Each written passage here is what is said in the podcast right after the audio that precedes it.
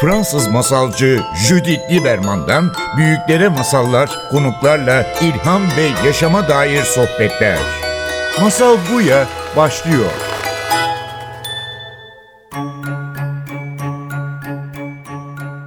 Masal Buya'ya hoş geldiniz. Bugün stüdyoda Akasya ile birlikteyiz. Akasya hoş geldin. Hoş bulduk Cidi. Oyuncu, yazarsın ve şu an masada görüyorum senin en son çıkarttığın çocuk kitabı Kuş Ağacı. Ee, çok efsane bir kitap gerçekten. Çünkü normalde kaç yüzlerce sayfalı olan çok eski bir metin Atar tarafında e, yazılmış Kuşların Konferansı. Sen çocukları tekrar anlatmaya karar verdin. Çok cesur ve harika bir fikir. Bu fikir nereden geldi? Odan başlayalım ve bu kitap senin için nedir? Bu birdenbire bir eş zamanlılık yasasının çalışması hikayesi aslında. Beni çok etkileyen bir hikayesi var. Ee, Ben çocuklarla ilgili bir şey yapmak istiyordum ama içinde hayvanlar olsun istiyordum ve araştırıyordum. Çok geçmiş zamanlarda Işıl Kasaboğlu bir Fransız yazarın metnini, Kuşlar Meclisi metnini tiyatromuzda sahneledi. Yani bu da bir metin zaten oyundu aslında. Yine Mantukut Tahir'dan üretilmiş bir metindi ve bizim çok sevdiğimiz Karina Şerez de kuklalarını masklarını yapmıştı. Acaba öyle bir şey mi yapsam yoksa La Fontaine yoksa Ezop Ezop çok ağır falan derken editörüm daha önce ya- yayın evinde çalıştığım ve bu kitabın da çıkmasına vesile olan aslında yerini değiştirmişti. O bana dedi ki Akasya sen Kuşlar Meclisi'ni biliyor musun? Kuşların konferansını. Evet dedim ve çok şaşırdım. Sen dedi onu çocuklar için yazsan mı? Dedim şu an bana çok enteresan bir şey söylüyorsun. E, ben bunu bir düşüneyim dedim. Ve 8 ay boyunca batı kaynakları, doğu kaynakları, kaynağın kendi birkaç çeviri. Çünkü çok fazla yoruma açık bir kitap. Normal haliyle bile öyle. Araştırdım, okudum. Hakkında yazılmış kitapların çoğunu e, okudum. Ondan türetilmiş hikayeleri, metinleri hatim ettim diyebilirim. Üstüne de kendi çıkarttığım şey için onu nasıl yorumlayacağıma dair çalıştım. Çünkü ne şekilde yazmalıydım ki bu çocuklara da ulaşabilirdi. Nazım şeklinde yazmaya karar verdim ve tabii ki bir atların dünyasına e, giriş oldu benim için. Ağır ve e, çetrefilli bir yolculuktu. Çünkü okurken bile yarı yolda bırakabileceğin çok yoğun bilgileri kompakt bir şekilde vermeyen uzun uzun anlayışlar ve çabalı okumalardan sonra belki birikiminle anlayabileceğim bir şeyin içinden damıtarak öz bir hikaye çıkardım. Yani normalde siz gidip Feridüddin Attar'ın Kuşların Dili kitabını alsanız içinde bu hikayeyi belki bulur seçersiniz ama okuduğunuzu hemen anlayamayabilirsiniz. Çünkü e, Büyük yani evet. biraz Binbir Gece masalları gibi bir şey. Yani ben onu yanımda taşıdım böyle parça parça açıp okuyorum. Yani orada bir sayfa, orada bir sayfa ama böyle kapaktan kapağa okunulabilecek bir kitap değil. Yani okunulabilir tabii ki ama yani zor yani bir emek isteyen, gerçekten bir demlenme isteyen bir derin felsefe masalı aslında. evet öyle. Ee, ve masal barındıran da bir masal aslında. Bir masal içinde bir masal var ama bizim çerçeve masalı dediğin gibi yani kuşlardan bahsediyor. Evet. Yani bir hayvan masalı aslında ama bunun içinde derin bir ruh arayışı. Biraz böyle bunun bir özeti geçir bizim dinleyicilerimiz için. Ondan sonra belki senin e, sesinden küçük bir kesit duyarız ama keşfetmek için nedir Hütüt'ün arayışı, kuşların arayışı? Attar, Attar Mantukut Tahir'de yani kuşların dilinde hikayeyi sadece bir yerinde kullanmış. Aslında insanlara bir nevi hikayeler üzerinden insan olma, olabilme sanatını anlatıyor. Bunun içinde bir kendini bulma, bir tasavvuf hikayesi de e, Kuşlar Meclisi, kuşların Simurg'a yolculuğu. E, ve tabii ki bunun temelinde bir önermesi var. İhtiyacın olan her şey senin özünde var. Aradığında bulacağın tek şey kendin. Ve bu hem bizim için yani bütün insanlar için e, belki bunu böyle araştırıp üstüne saatlerce düşünemeyecekler için e, bir hap niteliğinde aslında kolayca anlaşılabilir yine bile değil ama daha kolay anlaşılabilir bir şey oldu. Hem de çocuklar için iyi bir motivasyon e, kitabı olacağını Bu düşündüm. çok önemli ya. Daha önce buluştuğumuzda şey demişti. Biraz e, çocuklar için kişisel gelişim bu kitabı. Evet. Yani çocuklar ama çok büyük baskı altında bizim bugündeki çocuklar yani özellikle bu biraz rekabet olan okullar işte sınavlar şeyler e, ben örneğin çok iyi biliyorum ortaokullarda masal terapi okuyan e, çocuklarla buluşuyorum her sene ve o kadar derin o kadar varoluşsal sorularla geliyorlar ki yani müthiş ve unutuyoruz aslında ne kadar genç bir yaşta varoluşsal sorunlarla e, kendini aramaya başlıyorlar. Yani çok basit kalıyor çoğu kitaplar bence. Yani böyle minyon minyon, top, at, işte tek boynuzlu atlar. Oysa ki çocuklar yani küçük filozoflar yani neden buradayım, nereye gidiyorum, neyin peşine gitmem gerekiyor ve, ve bu kitap çoğu zaman büyükler için bir masal düşünür ama sen dedin ki dur ben bu felsefeyi, bu tasavvufu çocuklara getirmek istiyorum ve onların anlayabilecek bir dille oyunlarla birlikte o kuşların vadiden vadiye simurgun peşinde e, gitme yolculuğu aktarmak istiyorum. İzninle e, müzikli yaptığın programın küçük bir e, parça dinleyicilerimizi dinletirmek isterim. Tabii ki. Hütüt kuşu rüyasında kocaman bir dağ gördü karşısında. Hüt hüt diye öttükçe kuş dağa kayalıklar cevap verdi. Orada, orada. Kanatlarını açtı hütüt, havalandı çıkmak için yola. Yol bin parçaya bölündü, her birinde bir kuş göründü. Senin yolun bu yollardan biri, dedi dağ.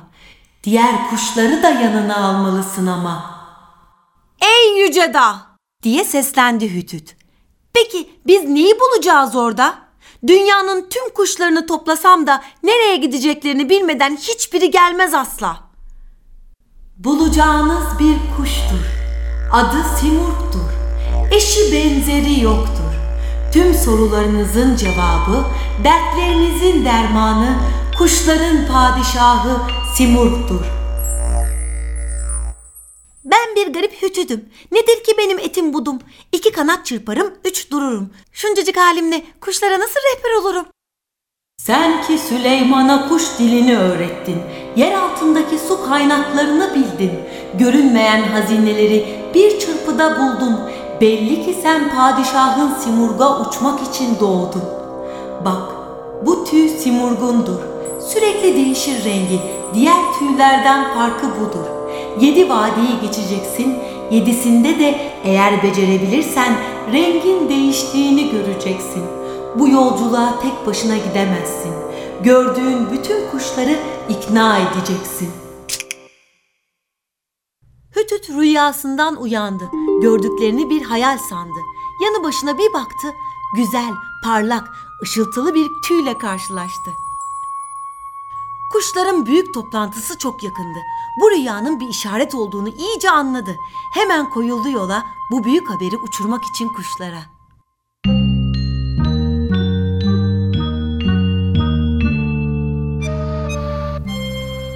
Yani böyle çok sihirli bir dünya gerçekten. Yani kuşlar konuşuyor, görebiliyoruz, oradayız. Zaten bunu müzikle birlikte yapıyorsun. Bunu maalesef daha sahnelere yapmıyorsun değil mi? Sahne sahnelendirmek istiyor musun? Bu bir lansman projesiydi diye evet, biliyorum. Güneş Özgeç yaptı bu tema müziği. Ee, benim konservatuardan çok yakın bir arkadaşım ve aynı zamanda bizim tabii ki sanatçı olarak e, arayışımız, yolculuğumuz, tıkandığımız zamanlar ve tam açıldığımız döneme denk geliyor. Çünkü ikimizin de üretiminin e, yüksek noktaya ulaştığı bir dönemde birlikte ona e, kuş ağacını okuduğumda temasını ben yapmak istiyorum dedi. Ya ben de zaten aslında o yüzden okutmuştum. Sağ olsun benim lansmanım Hanım ve sonrasında bir fuarda ufak bir gösteri için hazırlandı bu.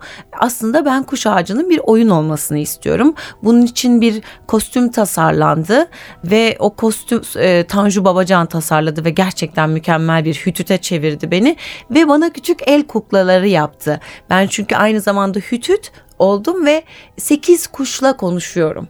O 8 kuş, kuşu özellikle hikayenin içinden seçtim.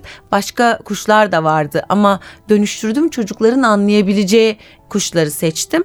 O yüzden de böyle görsel de bir şeye dönüştü. Ama vaktim yoktu. Ses kaydıyla, mimle oynadım sahnede. Bu aslında bir oyuna dönüşecek. E, belki o kostümler de değişecek.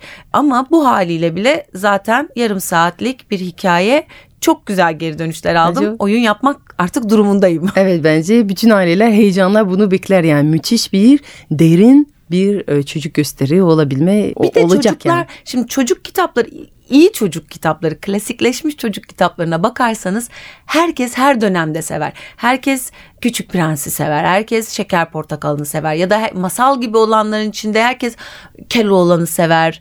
Ya da işte Kırmızı Başlıklı Kızı sever. Neden? Çünkü bunlar artık bizim için bilinç altına yerleşmiş şablon hikayeler, arketipler.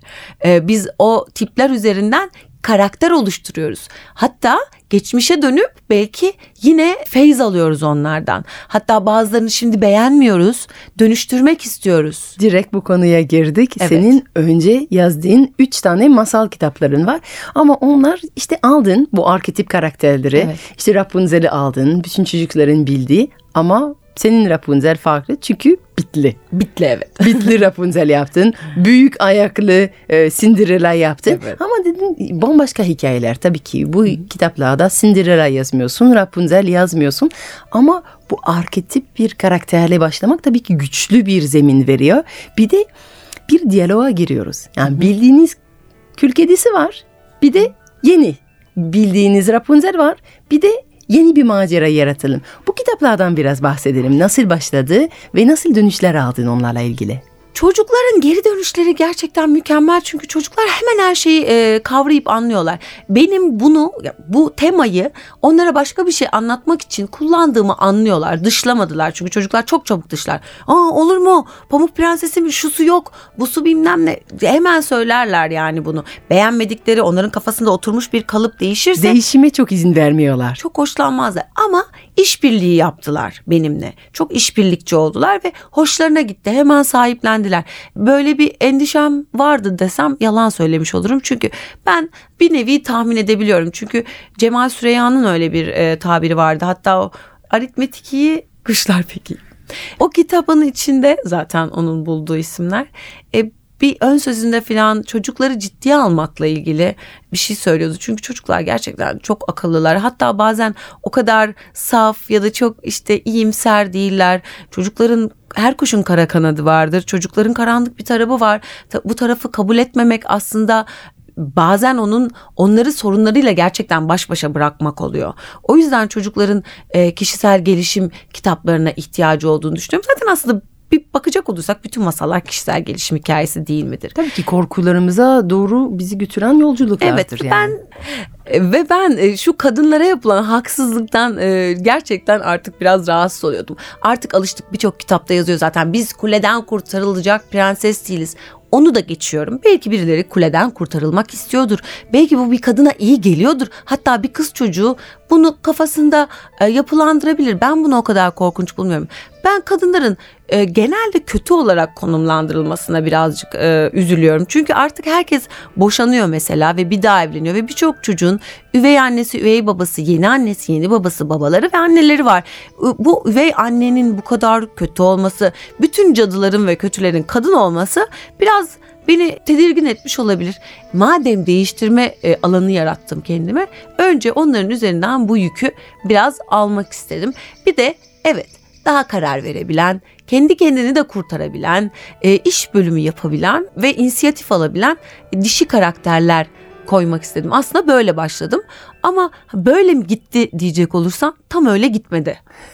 Ben e, o şablonları kendi anlatmak istediğim şeyleri anlatmak için kullanmış oldum. Ama zaten hikayecilik biraz böyle gelişiyor. Öyle zaten diyoruz ki masal her anlatımla yeni, her masalcıyla yeni ve birçok insana e, feminist masal istiyor. Ben hep şey diyorum, bizim ihtiyacımız aslında feminist masalcı. Çünkü yani kadına inanan, hikaye anlatan, kitap yazan insanlar olduğu sürece kadın ve erkek o zaman değişiyor zaten. Evet. Yani aynı kül kedisi anlatabiliriz. Ee, yeni zaten böyle çok e, meşhur bir Amerikan yazar e, özgürleştirilmiş bir kül kedisi kitabı yazdı. Yani kadın feminist ve aynı bu eski kitabı yazdı ama öyle bir dildi ki birden bu kül kedisi özgür olabiliyor. Yani masalı değil değiştirmemiz gereken şey konuşan kişinin dili ve bakış açısı ve sen onu e, bize armağan ettin kitaplarında. Yeni projeleri var mı? E şimdi bir hikaye daha yazdım. Pencereme gelen bir martı vardı. O martıya avantajı martı adını taktım. Avantajı avantajı avantajı geldi yine avantasını alıyor derken e, bir takipçim işte etkileşim böyle bir şey. Siz bu avantajı martıyı ne güzel anlatıyorsunuz. Keşke bunun bir hikayesini yazsanız dedi. Ben fikirleri çok dinliyorum yani kulağım çok açık. Bu da kreatif e, olmak demek aslında. Ben bir aa bana bir şey söylediği zaman iyi fikir dediğimde o yine benim yaratım sürecimin bir parçası. Evet iyi fikir dedim ve daha kısa ve yalın bir hikaye yazdım. Şunu fark ettim. Kısa ve yalın yazmak daha zor. Evet. Evet, daha Evet, zormuş. Ve bir martı hikayesi yazdım. Bu bir sürekli pencereden avantasını alan bir martı. Denizde de balık var ama pencereden çok daha kolay besleniyor. Ee, en nihayetinde masalın sonunu da söyleyeceğim ama ne fark eder? Martımızın avantajı martının bir anne martı olduğunu ve yavrularını da beslediğini e, anlatıyorum ama aslında temelde hikaye denizde çok fazla çerçöp var ve e, hayvanlar sürekli özellikle deniz canlıları işte plastik kapaklar, torbalar, poşetler falan e, yutuyorlar ve en çok bu yüzden zarar görüyorlar. Birazcık buna dikkat çekmek için. Çünkü çocuk masalları bence illa bir şey anlatmak zorunda değil bu arada. Hiç değil. Hiçbir şey anlatmak zorunda değil. Sadece bir yerden bir yere gitmek bile olabilir. Ben Keloğlan versiyonu anlatıyorum kızıma. Sadece pazara gidiyor eşekle, alışveriş yapıyor ve eve dönüyor. Hiçbir olay olmuyor. Ve seviyor. Ve çok seviyor. Kaç yaşında Pera? Üç. 3. Zaten tam o yaş değil mi? Dün tam bu sohbetim vardı bir tane e, arkadaşla. 3 yaşında çocuklara masal anlatmak istiyor ve bana diyor ki hangi masal anlatayım? Bir şey diyorum. Çocuğa 3 yaşındayken hani masal bahane birlikte bir şey hissetmek şahane. Evet. O yüzden yani bir kurguya çok ihtiyacın yok. Kurgu bir bahanedir. O yüzden bir yere git, geri gel, bir kutu aç, içinden bir şeyler çıksın. Yani mesele birlikte hayal kurmak, burada olmayan bir şey görmek, bir ormana girmek, oradaki yapraklar toplamak, ceplerimizde koymak yetiyor. Çocuklar birlikte, onlarla birlikte hayal kuran yetişkinler ve arkadaş istiyor. Ee, Ama şimdi onlara da yazık. Şimdi şöyle bakacak olursak yani bunu soran kişi bir şeyler yapması gerektiğini düşünüyor. Ee, sen masalcısın ve bu kendiliğinden oluşan bir şey. Senin doğan da var ve sen o dünyayı yaratabiliyorsun. Herkes dünya yaratamıyor. O yüzden bir kurgu istiyor. Ben oyuncuyum. O yüzden ben ben bir garip olanım bu da benim kara kaçanım diye bir şey söylüyorum ve o sırada uyduruyorum. Gerçekten müziği ve güftesine kadar. Nene gideriz de falan diye gerisini sallıyorum. Sonra pazara gidiyoruz ve Pera pazarcı oluyor. Beş tane var diyor. İşte hepsini sayıyor. Elime veriyor. Sonra o zaman doldurduk. Hadi o zaman yürü kara kaçalım deyip eve dönüyoruz. Bitti bu kadar. Ben bunun ona yetebileceğini biliyorum. Çünkü benim idrakimde e, bu var. E, çünkü mesleki şey bunlar, alışkanlıklar. E, normal bir anne her zaman ebeveyn eğer hayatında da böyle bir şey yoksa e, pratiğinde bir şeyler yapması gerektiğini düşünüyor. Aslında burada biz kolaylaştırıcı oluyoruz. Diyoruz ki gerek yok. Aslında çok basit. Aslında sadece ona böyle bir dünya yaratman gerekiyor. Yani ve o dünya çok basit. Küçük düşünmek ve basit düşünmek işte insanlara o kadar kolay gelmiyor ya da şey geliyor Evet. az. kolay zor. Kolay zor. Kolay zor yani gerçekten. Ama e, büyük düşündüğümüz zaman, büyük büyük kurgulara gittiğimiz zaman bazen esası kaçırıyoruz. Esas hayalde hissetmek. Yani bir şey hissetmek yani bir kere olanla birlikte pazara gitmek, orada bir şey saymak, evimize dönmek yeterli kadar acayip olabiliyor yani. Çok. Evet. Yani işte o avantajımız dediğim şey o. Masalcı olduğun zaman zaten sen o daldan bir şeyi kopartıp ısırıp işte onu suya ne kadar da lezzetliydi diyorsun ve onu yaşıyorsun ve yaşatıyorsun. Çünkü bizim işimizin en önemli tarafı yaşamak ve yaşatmak. Hissetmek ve hissettirmek. Sen hisset burada hissetmediğin sürece bunun karşıya geçmesine imkan yok. Önce kendini kandıracaksın. Önce kendini kandıracaksın. Gerçekten bütün masalcı oyuncular, yazarların püf noktası Robert Frost dediği gibi yazarda gözyaşı yoksa o zaman okurda olmaz. Yani hissedeceksin ilk önce ve inanıyorum ki bunu aslında hepimiz yani profesyonel olan ya da olmayan hepiniz bu, buna açılabiliriz yani mümkün yani. İlk bilgi bu. Burası benim evimmiş bilgisi. Yani masanın altına girip burası benim evimmişe inanan içinizdeki çocuğu öldürmeyin falan diye böyle bir şey vardır ya, klişe. Ama aslında aslında o çok fena inanan, sonsuz inanan e, çocuğun dünyası. O yine kişisel gelişim aslında. Yani yine o sonsuz inançla kurabileceğin şeylerin e, haddi hesabı yok. Yani sınırsız bir dünya yaratabiliyorsun. Sadece bunun olacağına inanmak. Bir kitap, bir hikaye başta hep bir fikir. Sadece bir fikir. O fikir şeyinden, bulutundan sen kendine en yakın olanı, en o sırada eline geçeni seçiyorsun ve ondan somut bir şey yaratıyorsun. Örneğin elindeki olan kuş Evet. ağacı. Evet. O zaman madem onu elinde aldın sohbetimizi bitirmek için biraz daha kuş ağacı senin ağzından dinleyelim. Ve bitirmeden önce sana çok teşekkür etmek istiyorum bu sohbet için. Son söylemek istediğin bir şey var mı dinleyicilerimize? Ben teşekkür ederim. Bu ona ayıp olmaması için söylüyorum. Çünkü e, muhabbetin içerisinde e, aktı gitti. Mustafa Delioğlu e, çok önemli bir çocuk kitapları illüstratörüdür. Zaten illüstratördür. O da aynı zamanda kuş ağacının e, güzelim e, desenlerini çizdi. E, eğer alır da okursanız hem kendiniz hem çocuklarınız beni çok mutlu edersiniz. Ve Masal Perest yayınlandı. Çok teşekkür ederim. Hala yolda mıyız? Yoksa vardık mı? Bu yolda çektiğimiz onca zahmete yazık oldu. Demek muradımıza eremeyeceğiz. Padişahımız Timurg şu dağın ardında mı? Biz burada ha olmuşuz ha olmamışız. Ne fark elimizde umuttan eser kalmadı. Bütün bunlar gerçek mi yoksa rüya mı? Gördüklerimiz hiç umduğumuz gibi çıkmadı çık. Şu ileride parlayan huzurun ışığı mıdır? Demek muradımıza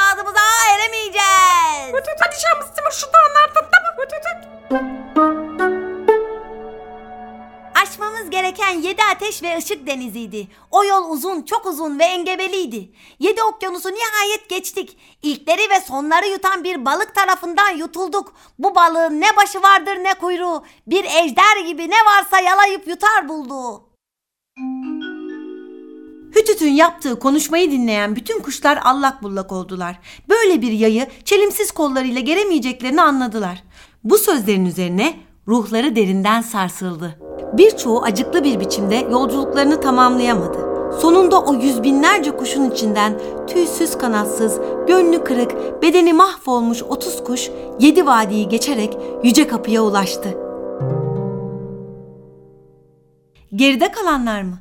Bazıları okyanusta boğuldu, bazıları kaybolup yok oldu. Kiminin tüyleri kızgın güneş altında tutuştu. Kiminin yüreği kavrulup kül oldu. Bir kısmı da yoldaki aslanlar ve kaplanlar tarafından yenilip yutuldu. Diğer bir kısım avcı kuşların pençesine düşüp mahvoldu. Bazıları hırsından birbirini öldürüp katil oldu. Kimileri bitkinlikten geride kaldı, yoruldu. Bazısı da eğlenceye kapılıp asıl amacını unuttu. Nefsine mağlup oldu. Bitip tükendiklerinden, tamamen umutsuz bir hale geldiklerinden artık bütün kuşlar çırpındılar, yok oldular, kayboldular. Onlar bu haldeyken zamanı da unuttular ve nihayet yedi renkli ulu huzurun eşiğinde durdular. Onlara sordu ulu huzur. Hey sizler, nereden geliyorsunuz? Neden burada duruyorsunuz? Adınız nedir? Peki ya yurdunuz? Ey bir avuç mahluk, burada ne yapıyorsunuz? Hütüt öne çıkıp konuştu. Bu arada göğsündeki tüy ulu huzur gibi yedi renkte ışıldıyordu. Biz buraya sultanımız Simurg'u görmeye geldik. Eşiğinden uzakta olduğumuz için hepimiz onun aşkıyla eridik. Biz bu yola adım atalı asır oldu. Aslında yolculuğun başında yüz binlerceydik. Bu eşiğe ancak otuz kuş erişebildik. Ulu huzur cevap verdi. Be hey sizi zavallı kalpleri kanayan şaşkınlar. Siz şu dünyada ha olmuşsunuz ha olmamışsınız ne yazar? Tek bir biricik padişah Simurg'tur. Onun eşiği yüz binlerce kuşla defalarca dolup taşsa bunun lafı mı olur? Kuşlar hep bir ağızdan seslendiler. Sultanlar sultanı nasıl bizi kovabilir? Onun tarafından biri nasıl hor görülebilir? Bu doğruysa bile bu hor görme ancak şan ve şerefin ta kendisi olabilir. Onun bir hareketi bizim için en güzel iltifattan iyidir. Ulu huzur devam etti. Hele bir çaksın şimşek, yıldırımı her şeyi yakar geçer. O anda yüceltilmişsin, aşağılanmışsın, senin için ne fark eder? Kuşlar harlı bir alev gibi tekrar seslendi. Canımız kor alev gibi yanmakta. Pervanenin tek kurtuluşu kendini ateşe atmakta. O nasıl mutluluğu yanıp kül olmakta bulur. Sevgiliye erişemezsek her birimiz burada yok olur. Bütün kuşlar onun aşkına yaraşır bir biçimde cesaretli davrandılar. Tepeden tırnağa mutlulukla, acı ve ıstırapla sarmalandılar. Kendine yeten ve başka hiçbir şeye ihtiyaç duymayan yüceler yücesinin kapısında öylece durdular. Sonunda kapının açıldığını ve perdelerin tek tek kalktığını görmeyi başardılar. Hepsi de her şeyden arındıkları için o yüce huzur makamının ışığıyla yeniden can buldular. Yemyeşil dalları olan bir ağaca kondular ama dallar sanki bir anda kuşların kanatları oldular. Böylece yine kuşluklarına kavuştular. Kendilerini bulduklarında hayretler içinde kaldılar. Eskiden tüm yaptıklarından ve yapmadıklarından arındırıldılar. Önlerinde yakınlık güneşi belirince hep birlikte ışıl ışıl parladılar. İşte o an Şah Simurg'un yüzünü apaçık kavradılar. Otuz kuş dikkatle yaklaşıp baktılar. Simurg'un Simurg yani kendi dillerinde otuz kuştan başka bir şey olmadığını anladılar. Bütünüyle şaşkına dönüp afalladılar. Nasıl bizken o olduklarına inanamadılar. Hem Simurg tutam karşılarındaki hem de bulundukları yerde Simurg olmuştu onlar. İki yöne baktıklarında hepsi de Simurg'dular. Bu dünyada böyle bir şeyi ne gördüler ne de duydular. Hayret ve dehşet içinde kaldılar. Şaşkınlıktan hiçbir şey düşünemez oldular. Kuşlar hiç anlayamadıkları bu hali ulu huzura sordular. Ona bu büyük sırrı açıklaması, sen ve ben meselesinin halledilmesi için yalvardılar. Ulu huzur onlara cevap verdi. Güneş gibi parlayan huzur makamı aynadır. İşte bu yedi renkte onun kırılan ışıkları. Bu makama erişen kendini orada görür. Siz karşısına çıkmış otuz kuşta onun yansımaları. Kaç kuş gelseydiniz o kadar olacaktı ağacın dalları. Çünkü burada görünen sadece gelenlerin suratları. Onca uzun yol kat etmenize rağmen görmekte olduğunuz bakın işte sizsiniz. Değil başkaları. Kuşlar yeşil ağacın dallarında titreşmeye başladı. Daha önce hiç duyulmamış bir sesle hepsi aynı şarkıyı mırıldandı. Ağacın yaprakları yedi nota, yedi renk dalgalandı. Işık ve ses tüm evrene yayıldı. Ulu huzurda onlarla şarkıya katıldı.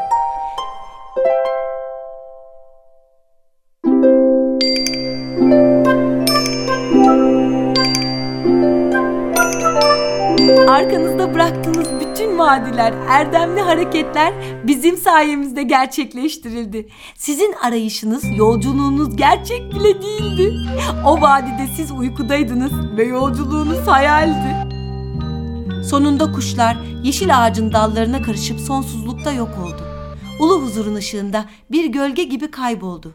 O yüzden söz de burada bitti, son buldu. Ne rehber kaldı, ne yolcu. Ne yol, ne de hiçbir şey. Fransız masalcı Judith Lieberman'dan büyüklere masallar, konuklarla ilham ve yaşama dair sohbetler. Masal Buya sona erdi. Programın tüm bölümlerini ntvradio.com.tr adresindeki podcast sayfamızdan dinleyebilirsiniz.